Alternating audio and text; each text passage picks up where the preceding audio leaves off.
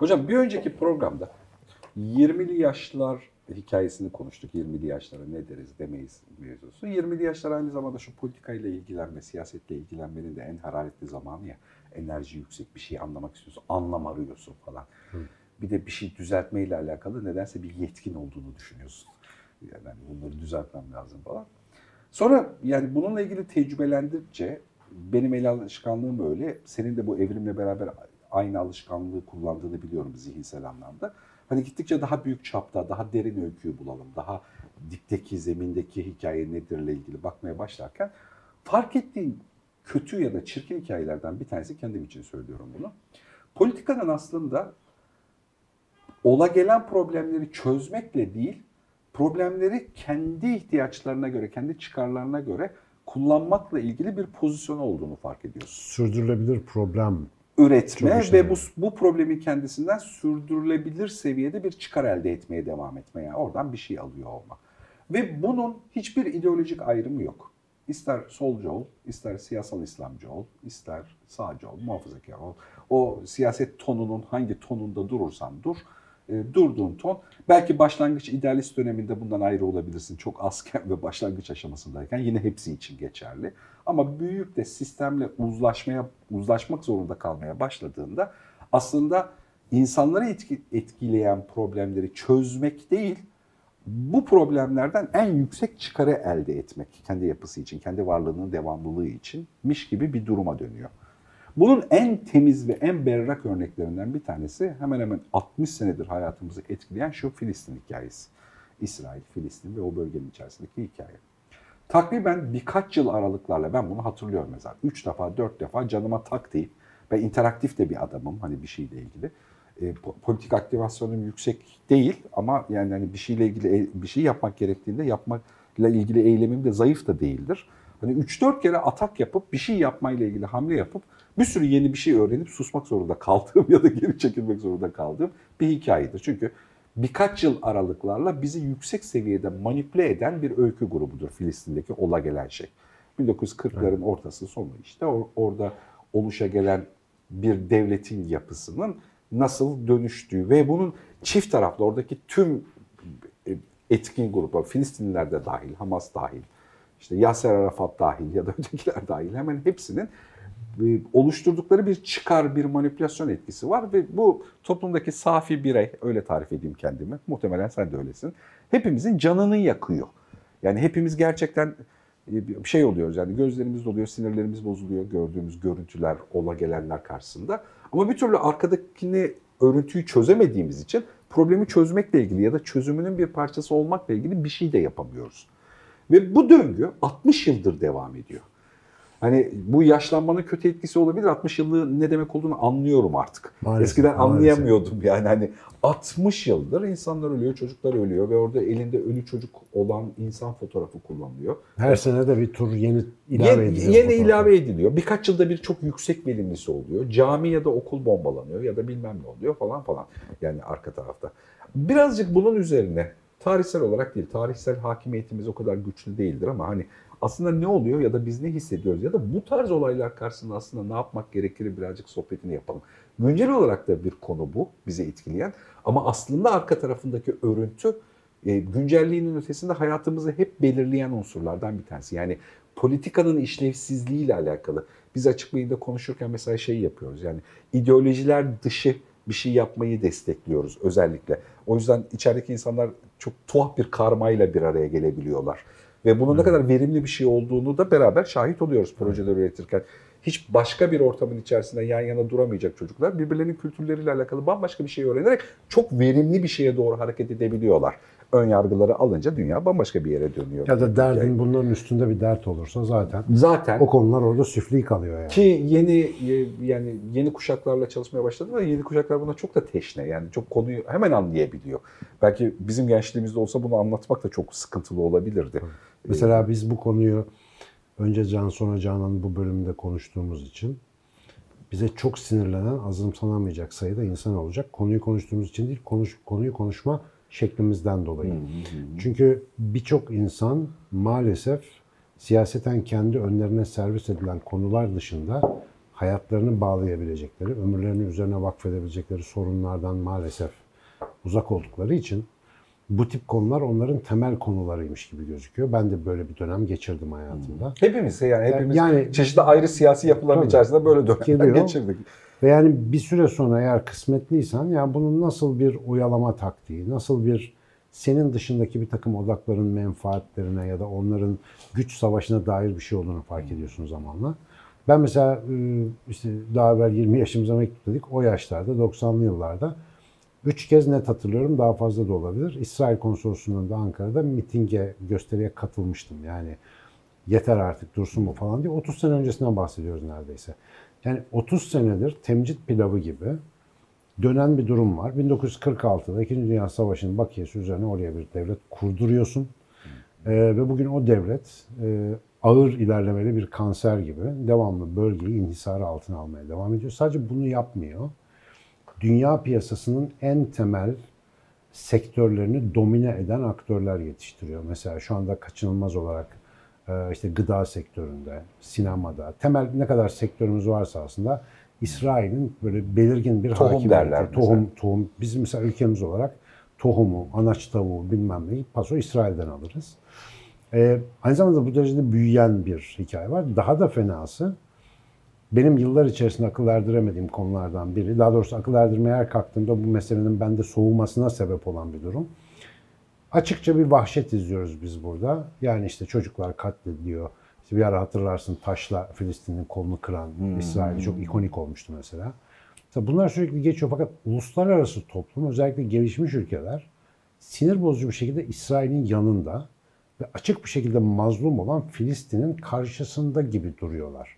Şimdi böyle bir resmi biraz rasyonel olarak düşünmeye çalıştığında hemen bir problem başlıyor, mantıksal problem başlıyor. O da şu ki bu kadar aşikar bir kötülüğe nasıl bu kadar dünya çapında destek çıkabiliyor? Bu İsrail'in büyülü bir gücünden mi kaynaklanıyor? Herkes İsrail'de ödümü kopuyor. İşte ya da işte Filistin veya işte hani bizim İslamcı kültürün çok söylemeyi sevdiği işte Müslüman bir ayağa kalkarsa höde höde falan var ya bizde. Hani öyle bir korkudan dolayı mı tırsıyorlar falan. Bunun hiçbiri makul ve mantıklı değil. Birkaç açıklaması var. Bir, bize gösterilen resim yarım olabilir. Yani biz bir başka bir resim görüyor olabiliriz. Bu sadece bir ihtimal olarak söylüyorum. İki, orada başka bir hesap olabilir. Yani orada Filistin'de ezilen çimen gibi bir şey olabilir. Orada başka bir hikaye dönüyor olabilir. Bunların hiçbirinin ne kadar daha olabilir olduğu konusunda hiçbir fikrim yok. Fakat biraz düşündüğünüzde mantıksız gelmeye başlayan bir şeylerin bu kadar uzun süre e, manşette kalabilmesi için mantığını kullanmayan insan güruhlarına şiddetle ihtiyacımız var. Var ki bu sorun devam edebilsin. 30-40 hatta işte sen resmi çizdin 1946'dan bu yana neredeyse 60 senedir devam eden böyle bir hikayenin efendim iki gücün savaşından ya da yer paylaşımı hikayesinden başka bir şey olduğu çok açık. Ve bu kadar basit, yalın kat, hani karından, göbekten, beyin sapından gelen otomatik tepkilerle sadece Gazze bombalandığında iki çocuk cenazesini televizyonlarda ya da resimlerde gördüğümüzde meydanlara kalabalık olarak akın etmek yöntemiyle çözülemeyecek bir şey olduğunu anlamayacak bir meşguliyette olmamız lazım ki bu senaryo bize 30-40-50 yıl dayatılabilsin. Şimdi bizim Türkiye'nin işte içinden son 20 yılda 30 yılda geçtiği şeylerde ben de buradaydım. Yani 3 aşağı 5 yukarı izliyoruz. Mesela işte önceden e, farklı bir işte rejim adı altında rejimin fikriyatının hakim olmaya çalıştığı bir dönemden işte onun hep bastırmaya çalıştığı belki 40 yıldır bastırmaya uğraştığı İslamcı bir dalganın şimdi uzunca bir süredir ülkeye hakim olduğu bir dönemden geçiyoruz. Ama mesela İslamcı e, ekibin ta işte rahmetli Erbakan zamanında da iktidar olma çabalarına girdiğinde en fazla kullandığı söylemlerden bir tanesi buydu. Yani Türkiye'de İslamcılar ayağa kalkarsa Filistin kurtulacaktı. AK Parti'nin başlarında da hep bu jargonu hep duyduk. Yani o Filistin orada şöyle bir şey bizim için. Ne olduğunu bilen yok. Haritadaki yerini çoğumuz muhtemelen gösteremeyiz. Mevzuyu da bilmiyoruz bir türlü. Bir tek böyle bir ork ordusu gibi bir İsrail var. Ama her şeyimizi de onlardan alıyoruz. Tekrar bunun altını çiziyorum. Dünyanın bütün çok uluslu şirketlerinin neredeyse yönetim kurulunda en az yarı yarıya e, İsrail kökenli birileri var. Ama öbür yandan o kötücül orduya karşı orada bir masumlar, onlar da bizden.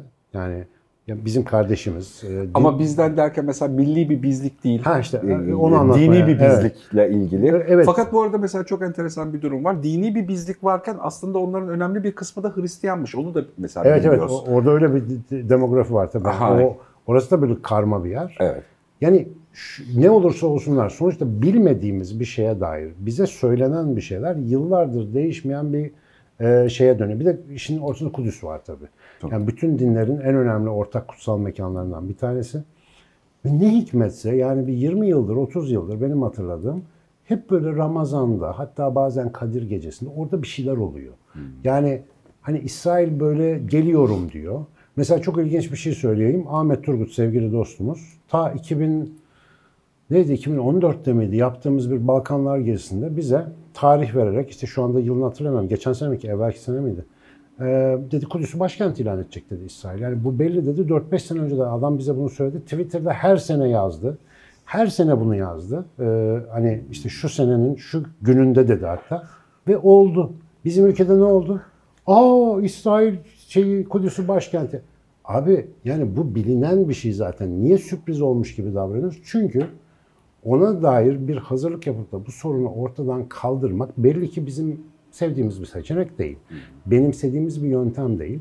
Bu devamlı olarak bize anlatılan bir hikayenin devamı ve o hikaye üzerinden de buradaki işte siyasi topluluklara belli bir e, motivasyon sağlama gibi bir derdimiz var. Böyle gözüküyor. Şimdi ya bir taraftan da azıcık aklımızı mantığımızı kullansak İsrail gibi çölü cennete çevirmiş neredeyse. Çölün içerisinde. Bu arada gerçekten o motivasyonu da anlamakta çok zorlanıyorum. Yani nasıl becerdiler büyük iştir. Sen Avrupa'da işte tabii Hitler'in de gazı burada çok önemli. e, Nazi Almanya'sının. Oradaki o zengin Yahudilerin falan büyük bir kısmını topla. Götür orada çölün ortasında. Bak burası badilmiş topraklar gel hacı. Burada bir şeyler kuralım falan filan diye bir şey ikna etmek de çok zor ama o hani Bu arada mesela çok uzun önemli bir Arap ekolü e, şey diye iddia ediyor. Yani İkinci Dünya Savaşı'nda Hitler'le alakalı oluşturulan şey planlı bir organizasyonel yapıdır Tabii. diye bir ana akım Ya var. ben Ben, bunu- mesela bunu görünce çok Tabii. şaşırmıştım. Ya bir şeylerin dökümlerine, şimdi ben bir ara çok meraklıydım bu konulara ama bırakalı çok oldu onu söyleyeyim. Yani tarihte de öyle her gün inovasyon olmuyor. Yani okuduğum klasik kaynaklar bayağı bir geçerli sürdürüyor. Mesela Nazi Almanya'sındaki o mezalimin dökümleri var. Abi neredeyse Yahudi rakamı kadar Alman da var orada. Yani orada bir kitlesel bir kıyım var. Adam mesela Berlin metrosuna su bastırıyor abi. Su baskını uyguluyor. Yani on binlerce Almanı öldürüyor. Şimdi bu rakamları biz görmüyoruz genellikle. Ay, Aytunç Altındal falan filan da kitaplarında bunları detaylı anlatıyor bildiğim kadarıyla. Yani meraklısı bilir zaten. Ama neticede yani o zamanki dönemde böyle tamam Yahudilere orada bir nefret var. İşte bunlar bizim servetimize çöküyorlar, bizi işsiz bırakıyorlar. Almanya'nın en ekonomik olarak rezil dönemleri. Ama bütün bu hikayedeki o total rakamın tamamını Yahudilere hamletmek orada Yahudilerle ilgili bir hareketliliğin de aynı zamanda uyarılmaya çalışıldığını çok net gösteriyor zaten. Ki hani tesadüf olduğunu düşünmek saftirlik olur. İşte hemen arkasından sen gidip çölün ortasına bir e, işte şapkalı krallık kurma hikayesi falan. Şimdi oradaki radikal e, dindar Yahudilerin öncülük ettiği bir mesele bu. Yani oradaki hahamların öncülük ettiği bir hikaye. Ve orada çok yoğun programlı stratejik bir e, işte Tevrat'taki vaat edilmiş topraklar modunda tamamen dini anlatı üzerine kurulmuş bir hikaye var. Ya bu belli ki bir şey için kurulmuş. Yani oradan sonra bir şey olacak ve olmaya da başlıyor zaten. Oranın yerli halkı olan o Filistinler, ki oranın kadim halkı yani. Gün be gün yerlerine adam geliyor işte Gazze'de yerleşimci diye bir şey yapıyor. Bunların bağrının ortasına siteler kuruyor, köyler kuruyor. İnsanlar oraya yani açık bir ajitasyon var. Açık açık dünyanın göz önünde hem bir taraftan ekonomik olarak güçlenirken hem de e, dünyaya karşı da böyle bir tiyatro oynanıyor. Ve tabii ki işte o Yahudi lobisinin çok takdir ettiğim çalışmaları nedeniyle bütün dünyada da buraya bir destek var. Habire bir ciddi para aktarımı. Şimdi böyle bir durumda burayı gerçekten samimiyetle bir sorun olarak görüyorsan aklın yolu bir. Yani bir kere o İsrail'in büyümesini yani düşmanın silahıyla silahlanacaksın diye bir prensip var. O ekonomik büyümesini, o bilimsel çalışmasını, o inovasyonu bilmem nesini önce bir al bir taklit et hacı. Yani burada önce bir kendi kendine yet. En azından habire işte boykot edeceğim diye uğraştığın ülkeden ürün alma mesela. Ürün almayacak hale gelmeye çalış. Eğer bu sorunun halli ana konu olsaydı bizim o geçtiğimiz 30-40 yıl içerisinde en azından bir 15-20 yıldan beri böyle bir yola girmiş olmamız gerekiyor. Ama biz biraz önce başkent ilan edilme konusunda da hatırlatmaya çalıştığım gibi her sabah böyle bir şokla uyanıyoruz. Aha gene mi İsrail? Aha İsrail Filistin. Ulan o 60 yıldır saldırıyor işte artık bu onun rutini. Ama bizim rutinimizde bir sorun var bu açıdan.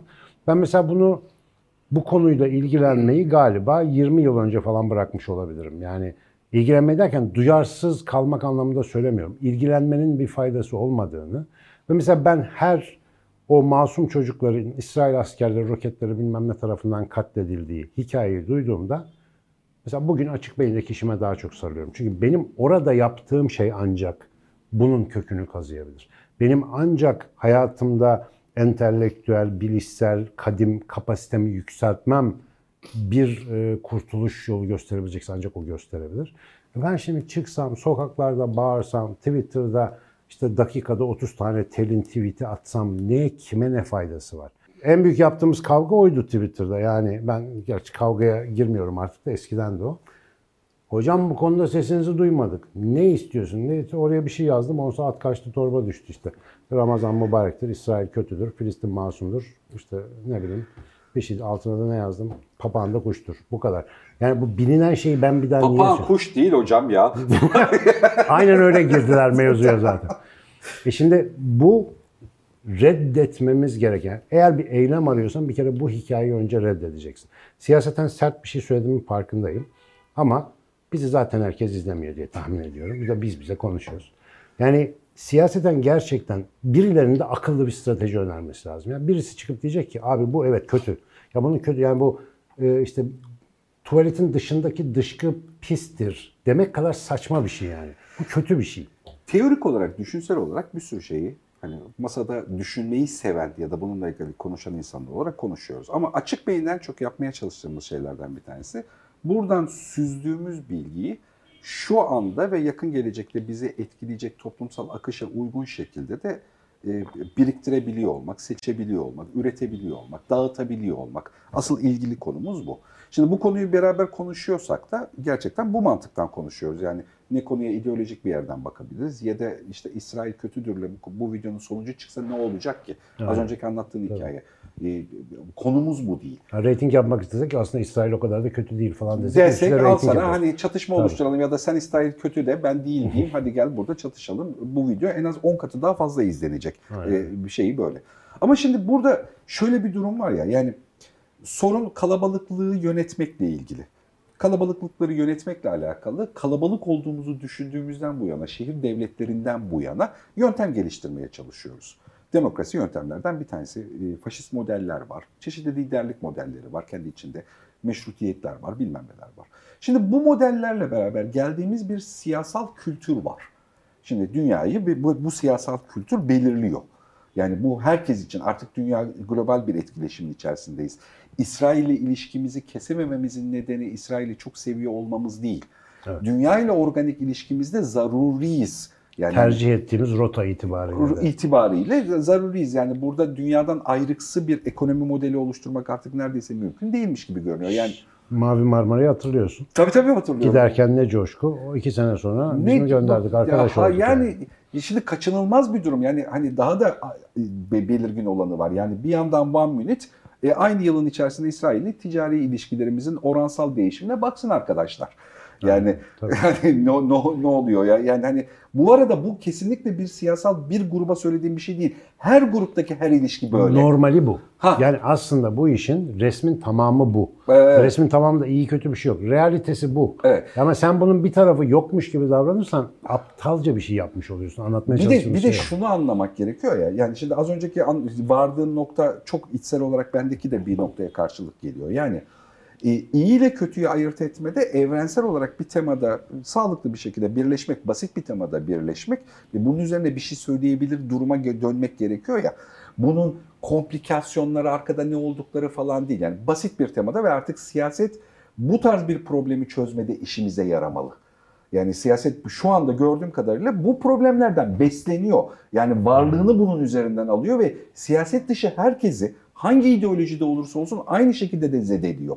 Yani Türkiye'deki en solcusu da en sağcısı da Filistin konusunda aynı gözleri dolarak bakıyor. Konuda bir şey değişmiyor ki. Hiç değişmiyor. Ama hikayenin içerisine bakıyorsun. Filistin Kurtuluş Örgütü'nden başla. FKÖ'nün dünyada terörü yaratma unsurlarından başla. Ne kadar şaşırırız. Meğer ilk uçağı onlar kaçılmış, ilk insanlar onlar katletmiş bilmem ne hikayesinden başla. Filistin'de çocukların kolu kırılıyordan, çocuklar ölüyordaki hikayenin temalarına, Hamas'ın ne yaptığına, İran'ın ne yaptığına bak. O hikaye örüntüleri tüm o politik unsurların Kanemer gibi bizi duygusal, ekonomik, biçimsel olarak manipüle ettiğini fark ediyoruz. Bizden kastım sağcı ya da solcu değil.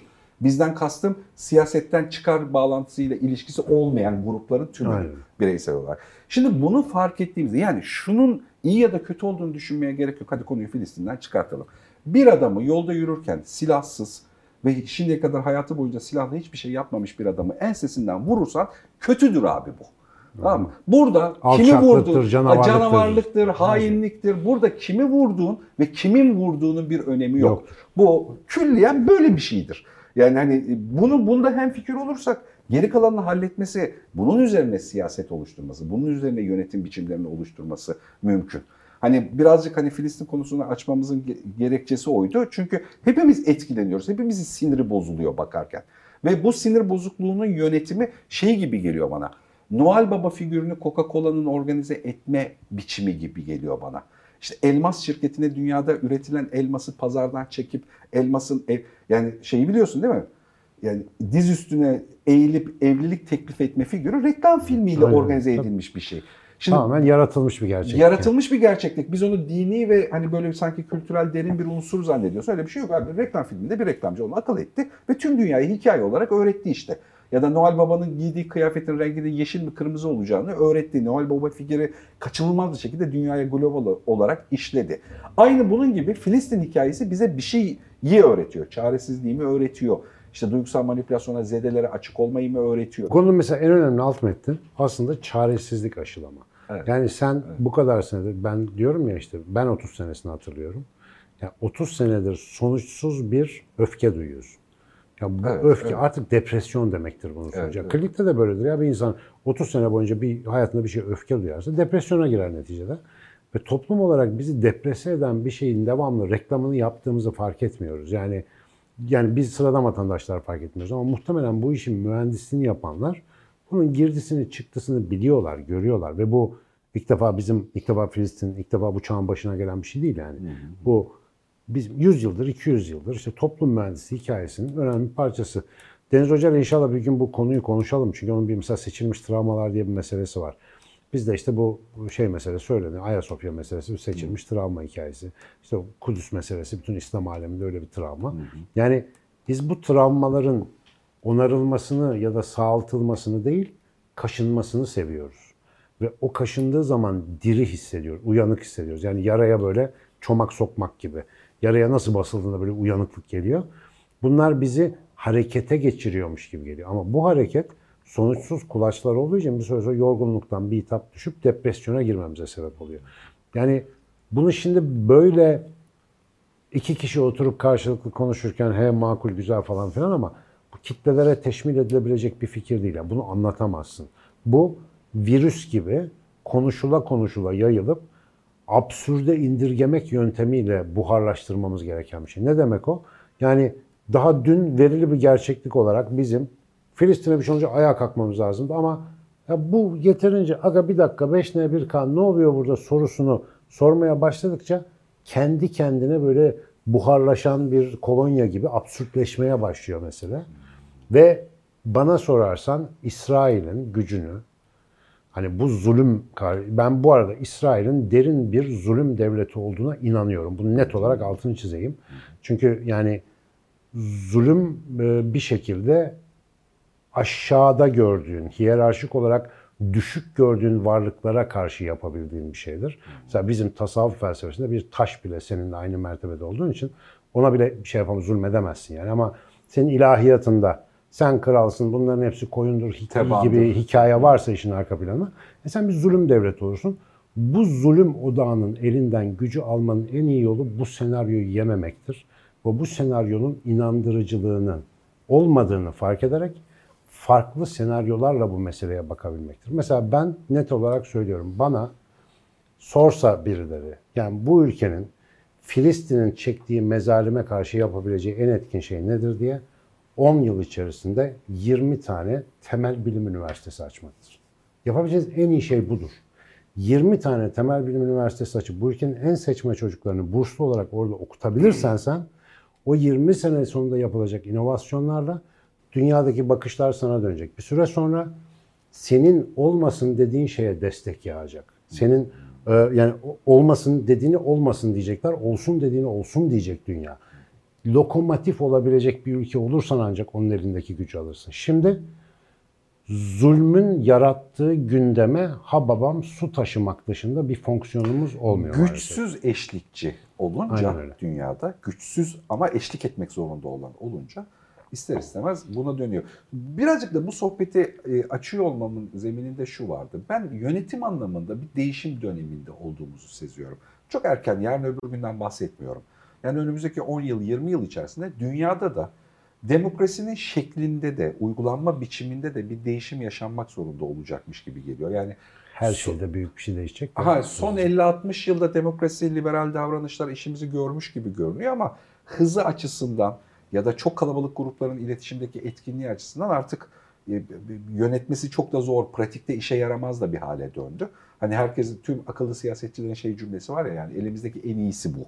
Yani bu iyi bir şey değil ama e- e- elimizdekilerin en iyisi bu diye. Bununla alakalı sanki yeni bir şeyi iyi anlamak, hem fikir olmak, hem hal olmakla alakalı. Çünkü şeye de vardık.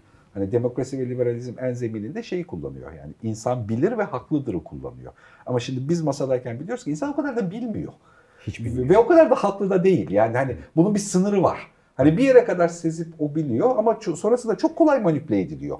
Ve sonra bakıyorsun dünyadaki tüm demokrasiler manipüle edilebilir sistemlere dönmüş kolaylıkla.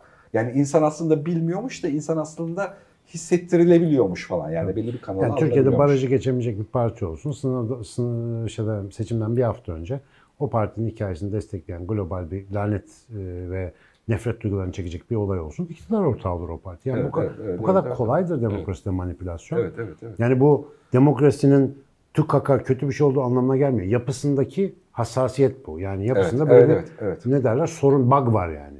O bug'ın farkında olmadığımız zaman hatta o problemin üzerine bütün sistemini inşa ettiğin zaman şu anda biz öyle bir şey yaşıyoruz. Yani çoğunluğun tahakkümü zannettiğimiz demokrasinin ciddi sıkıntısını da çekiyoruz. Çok faydasını da gördük. Ayrı yani bu işte yönetimin el değiştirmesi, tazelenmesi falan güzeldir. Bu keşke sıklıkla olsa. Ama şimdi mesela böyle bir durağan periyot yani böyle bir yığılma hali, böyle bir eminsizlik hali. Ama hala işte aynı şarkılar terennüm edilmeye devam ediliyor. Yani aynı şeyler oluyor. O haber geldi mesela kaç bir hafta mı oldu o hikaye bir hafta on gün. Yani zaten televizyon falan izlemiyorum ya böyle bir Twitter'da düştü bir şey. Gene mi dedim ilk lafım o yani. Gene, gene mi Ramazan'da gene mi yani gene mi Kudüs'ü bastınız? Gene mi aynı kıyafetlerle? Gene mi aynı gerekçelerle? Lan bir film kaç kere izlenebilir ve bu kadar da sonu belli bir film yani spoiler falan vermem mümkün değil. Belli zaten bu konu ne olacağı belli. Benim e, bu ülkemdeki siyasinin, akademisyenin, ev hanımının, gencin ne tepki vereceği de belli. Her şey adeta bir kayıttan oynatılıyormuş gibi tekrar ediyor. Birisi de arkadaş çıkıp da "Ya kardeş gözünü seveyim ya bu işte bir tuhaflık var deme noktasına gelemiyor. Çünkü toplu bağırılan yerde aklı selim duyulmaz. Yani toplu bağırılan yerde zaten susacaksın. Biz mesela bu videoyu şimdi çekiyoruz. 19 Mayıs 2021. İşte bir iki hafta sonra yayınladığımızda bunu. Muhtemelen bu iş daha soğumuş olur. Birçok insan bizi şöyle dinleyecek muhtemelen. Ya aslında herifler haklı. Ama yine böyle bir hikaye olduğunda ertesi günü bu videoyu yayınlayalım. Yemin ediyorum siyah çelenk bırakırlar. Gelip önümüzde gösteri yaparlar yani. Bunu yaparlar. Abi çünkü siyasetten hiçbir şey söylemedik. hiçbir şey söylemiyoruz. Yani sadece bir rica var. Ya bir başka açıdan da bakmak gerekebilir. Bunu tekrar ediyorum. Yani bu konuyu açmana da sevindim. Hani benim gündemim değildi normalde. Ama ben her bu haberi duyduğumda gerçekten orada Gazze'de, Filistin'de sıkıntı çeken insan için ne yaparım diye düşünüyorum. Ben bunların tamamını o dertle söylüyorum. Yani oradaki insana gerçekten bir faydamız olması lazım. Biz sonuçta abi bir ülkeyiz. Yani e, çarığımız sağlam oraya göre. Oturmuş bir düzenimiz var. Enteresan bir kafamız var. Karışık ama enteresan. Doğu batı arasındayız. Birçok yere stratejik yaptırım imkanımız var.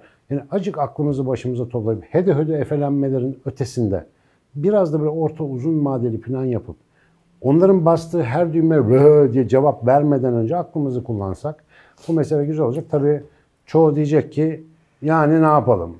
Siz bir şey yapmayın ama duyanlar var bazı onların yapabileceği bir şeyler olduğunu düşünüyorum ben. Hayat e, aslında her gün aldığımız basit kararların peş peşe uygulanmasıyla oluşan bir sonuç ya hayat dediğimiz hikaye. Şimdi bununla alakalı, Filistin'le alakalı bir şey duyduğumuzda kararımız çok öncelikli olarak hani hemen belirgin bir şekilde olabiliyor. Ama hemen peşi sıra atıyorum mesela iPhone Türkiye'de satılmıyor duyduğumuzda da tavrımız farklı oluyor. Aynen öyle. Ee, ya da işte ne bileyim yani gıda ile ilgili o kadar da seçenek marketlerde onlar olmadığını duyduğumuzda dünyada var ve bizde yoku duyduğumuzda da bununla bunun arasındaki bağı, korelasyonu, örüntüyü görmeden yürüyoruz. Burada Filistin'e e, yapılanlar bir zulümdür. Bunu demesi kolay diyoruz ve geçiyoruz. Yarın iPhone Türkiye'de satılmalı ne olacaksa olsun da diyoruz. Hayır, internetle alakalı en ufak kısıtlama yapamazsın. İşte tüm dünyaya bilmem ne diyoruz hani şeyin içerisinde. Ve her karşılaştığımızda bir şey diyoruz ama bu dediklerimizin hepsi bir araya geliyor ve bir sonuca yol açıyor. Eğer iPhone Türkiye'de kaçınılmaz ve düzgün bir şekilde satılsın istiyorsan Filistin'de de o kadar da çok ses çıkarmayacaksın sanırım. Aynen. Ya bunlar öyle Aynen çünkü bütünsel bir şey. Yani hani İşte çok şey- güzel ifade ettin. O uzun büyük parantezin içerisinde kalan bütün sebeplerden dolayı Filistin'de çocuklar ölüyor. Evet. Evet. Yani o, o, o sebep aslında o. İsrail'in bombası sadece tetik. Yani bizim buradaki tavrımız, bakışımız, bunun işe yarar bir senaryo olarak hala oynayabilmesi sayesinde o çocuklar ölüyor abi. Dolayısıyla bu gerçekten insanlığın en acı aptallığı. Ve bir aptal, bu arada aptal gerçekten e, kelime anlamıyla söylüyorum. Bir aptal çıkıp bunun çığırtkanlığını yaptığında konu hak, bunu herkes biliyor ama aptalın aptal olduğunu herkes anlamıyor. Ve hak konuyu aptalla beraber alınca aptalca bir ses çıkıyor. İşte maalesef bizim sıkıntımız bu. İnşallah düzelir. Şu e, şey hikayesini bence konuşmaya devam edelim. Yani yönetim biçimleri değişecek olsa tamamen teoriden bahsediyorum. Yani uygulana gelen teknikler açısından biçimler değişecek olsa yani krallığın bir tekniği vardı kendi Evet içinde. Mustafa ile biraz bunu Mustafa Acungil'le Aha. Dijital gelecekte insan kalmakta acık kalem oynatalım demiştik ama ben sıkışmıştım orada onu hatırlıyorum. Çünkü çok hayal edeyim bana sorsan böyle large tip bir danışman danışmanlıklı monarşi hiç fena gelmiyor kulağıma yani. Ee, bilmiyorum ama ben tabii eski kafalı biriyim. Bana da mesela şöyle bir şey olurmuş gibi ama bunu daha uzun sohbetini yapalım. E, toplumdan veri toplama becerimiz artık yüksek ya.